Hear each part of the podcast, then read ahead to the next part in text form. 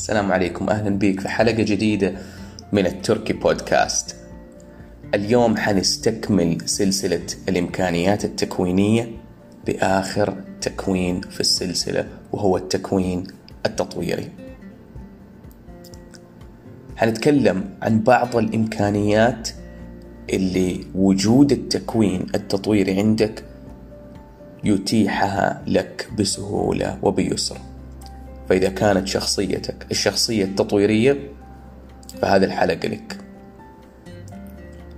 أولا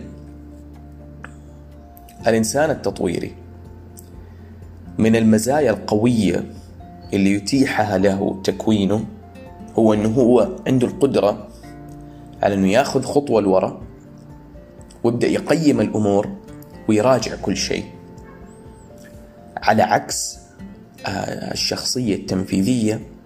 الشخصية التنفيذية زي ما قلنا في الحلقة الماضية التكوين التنفيذي يتيح للشخصية التنفيذية ويتيح للإنسان التنفيذي إنه يتجه في المشروع أو يتجه في الأمر للنقطة اللي لازم تتنفذ. فيتحرك فورا في الموضوع تجاه الشيء اللي لازم يتنفذ. الإنسان التطويري على العكس هو الشخص اللي عنده قدرة عالية جدا على إنه يوقف ويراجع الأمور ويبدأ ينظر لكل شيء بنظرة تحسينية بهدف التقييم والتطوير.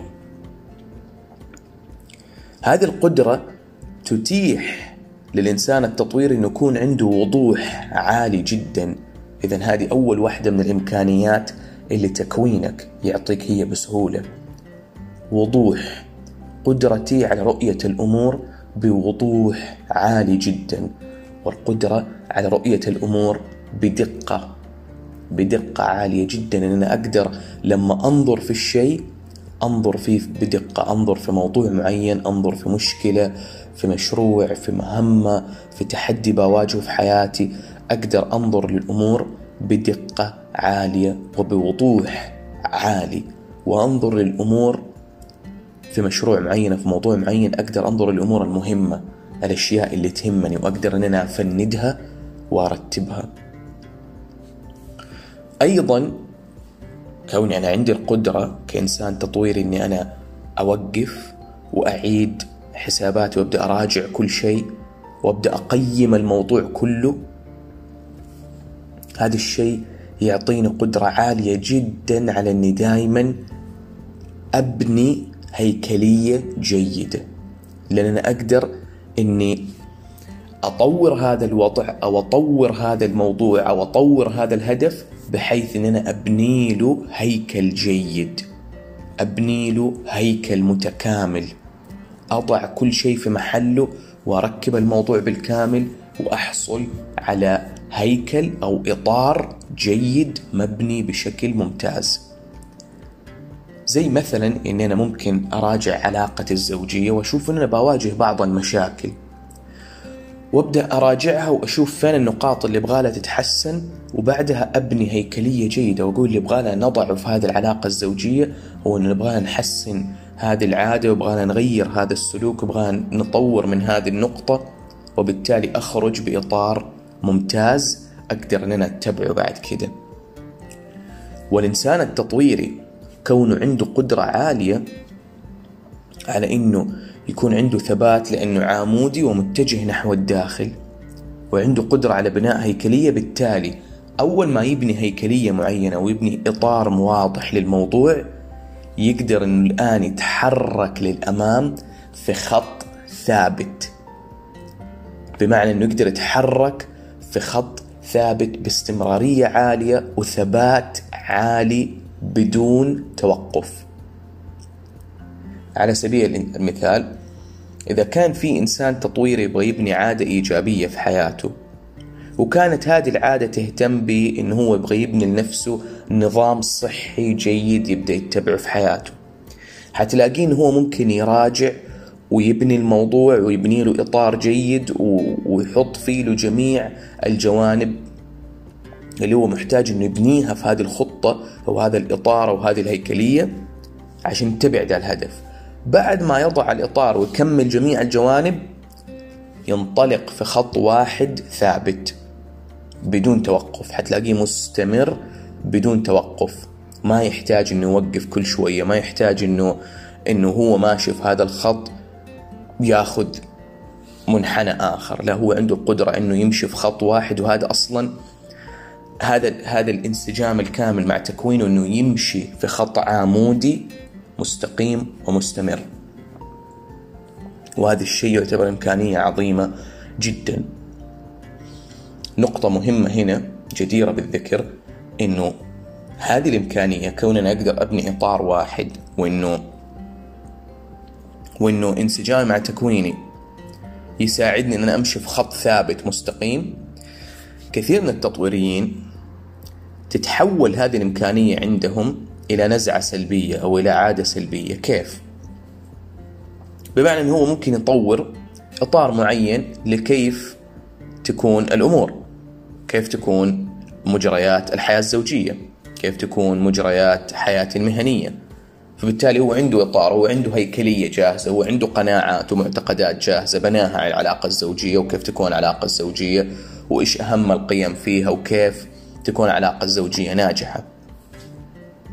ويستمر في ذا الشيء ويستمر في تطبيق هذا الهيكل.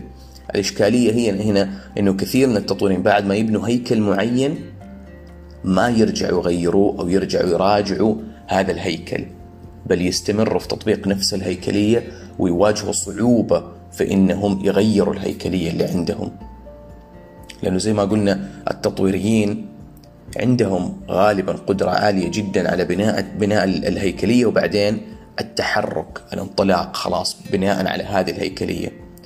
فمراجعة الهيكلية من جديد وتغييرها واحدة من التحديات اللي كثير من التطويريين يواجهوها. لذا يبغى لك تكون منتبه وحريص في بناء الهيكليات عندك ومراجعة الهيكليات لأنه كثير من القناعات والهيكليات اللي إحنا نبنيها عن الحياة نبنيها من عمر صغير جدا في الطفولة مو بالضرورة تكون صحيحة بعد ما نكبر ونبدأ نقود حياة متفردة وخاصة بينا. من الإمكانيات العظيمة عند الأشخاص التطويريين هي إمكانية الاستقلالية أنهم هم قادرين أنهم يكونوا عندهم استقلالية عالية وعصامية عالية بمعنى أنه هو قادر أنه هو يحفز نفسه بنفسه قادر أنه هو يثبت على الطريق قادر أنه هو يراجع حياته باستمرار. إذا اعتماده على العوامل الخارجية ما هو عالي زي اعتماد مثلا الحركيين أو الترابطيين على العوامل الخارجية. عنده قدرة عالية جدا على أنه هو يكون مستقل بذاته مستقل بأولوياته مستقل بتحفيزه لذاته لأنه عامل السلطة الذاتية يعتبر عامل مرتفع عنده جدا. عند الإنسان التطوير السلطة الذاتية هي أحد الجوانب المهمة جدا جدا. وإذا كنت إنسان تطويري راجع حياتك من هذا المنحى. هل أنا أشعر بالسلطة الذاتية كفاية في حياتي ولا لا؟ السلطة الذاتية بكل بساطة يعني أنا عندي السلطة تجاه ذاتي وأموري اللي تخص ذاتي.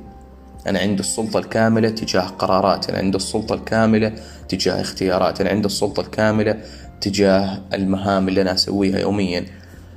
حتلاقي في حياتك أنه بعض الأمور اللي أنت بتسويها تشعر تجاهها بسلطة مفروضة كأنها هي مفروضة عليك زي الوظيفة أو ممكن يكون حتى زواجك أو ممكن يكون حتى تربيتك لأبنائك.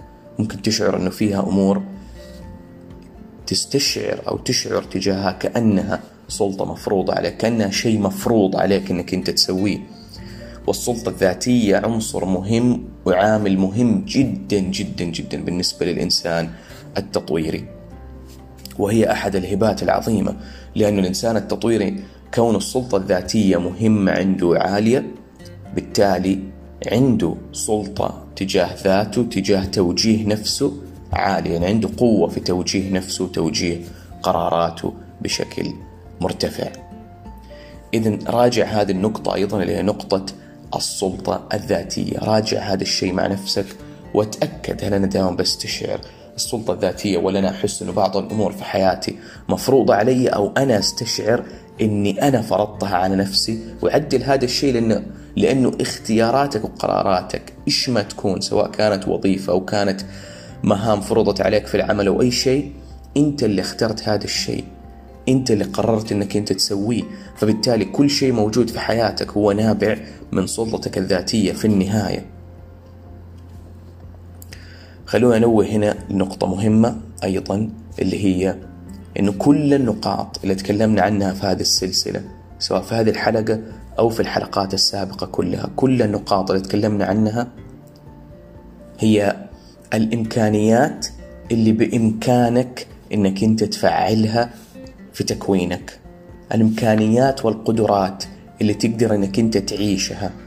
لا يعني بالضرورة إنه كل إنسان تطويري أو كل إنسان تنفيذي أو كل إنسان ترابطي أو كل إنسان حركي عايش هذه الإمكانيات وبيطبق هذه الإمكانيات. بالعكس بل قد يكون كثير منهم بيوجهوا هذه الإمكانيات بشكل سلبي جدا أو ما هم مفعلين عندهم هذه الإمكانيات.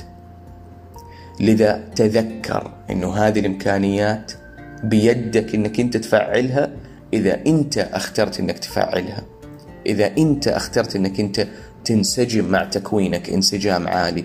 إذا أنت أخترت إنك أنت تطبق هذه الخطوات وتراجع نفسك وتبدأ تراجع حياتك وتبدأ تستفيد من هذه الإمكانيات في حياتك.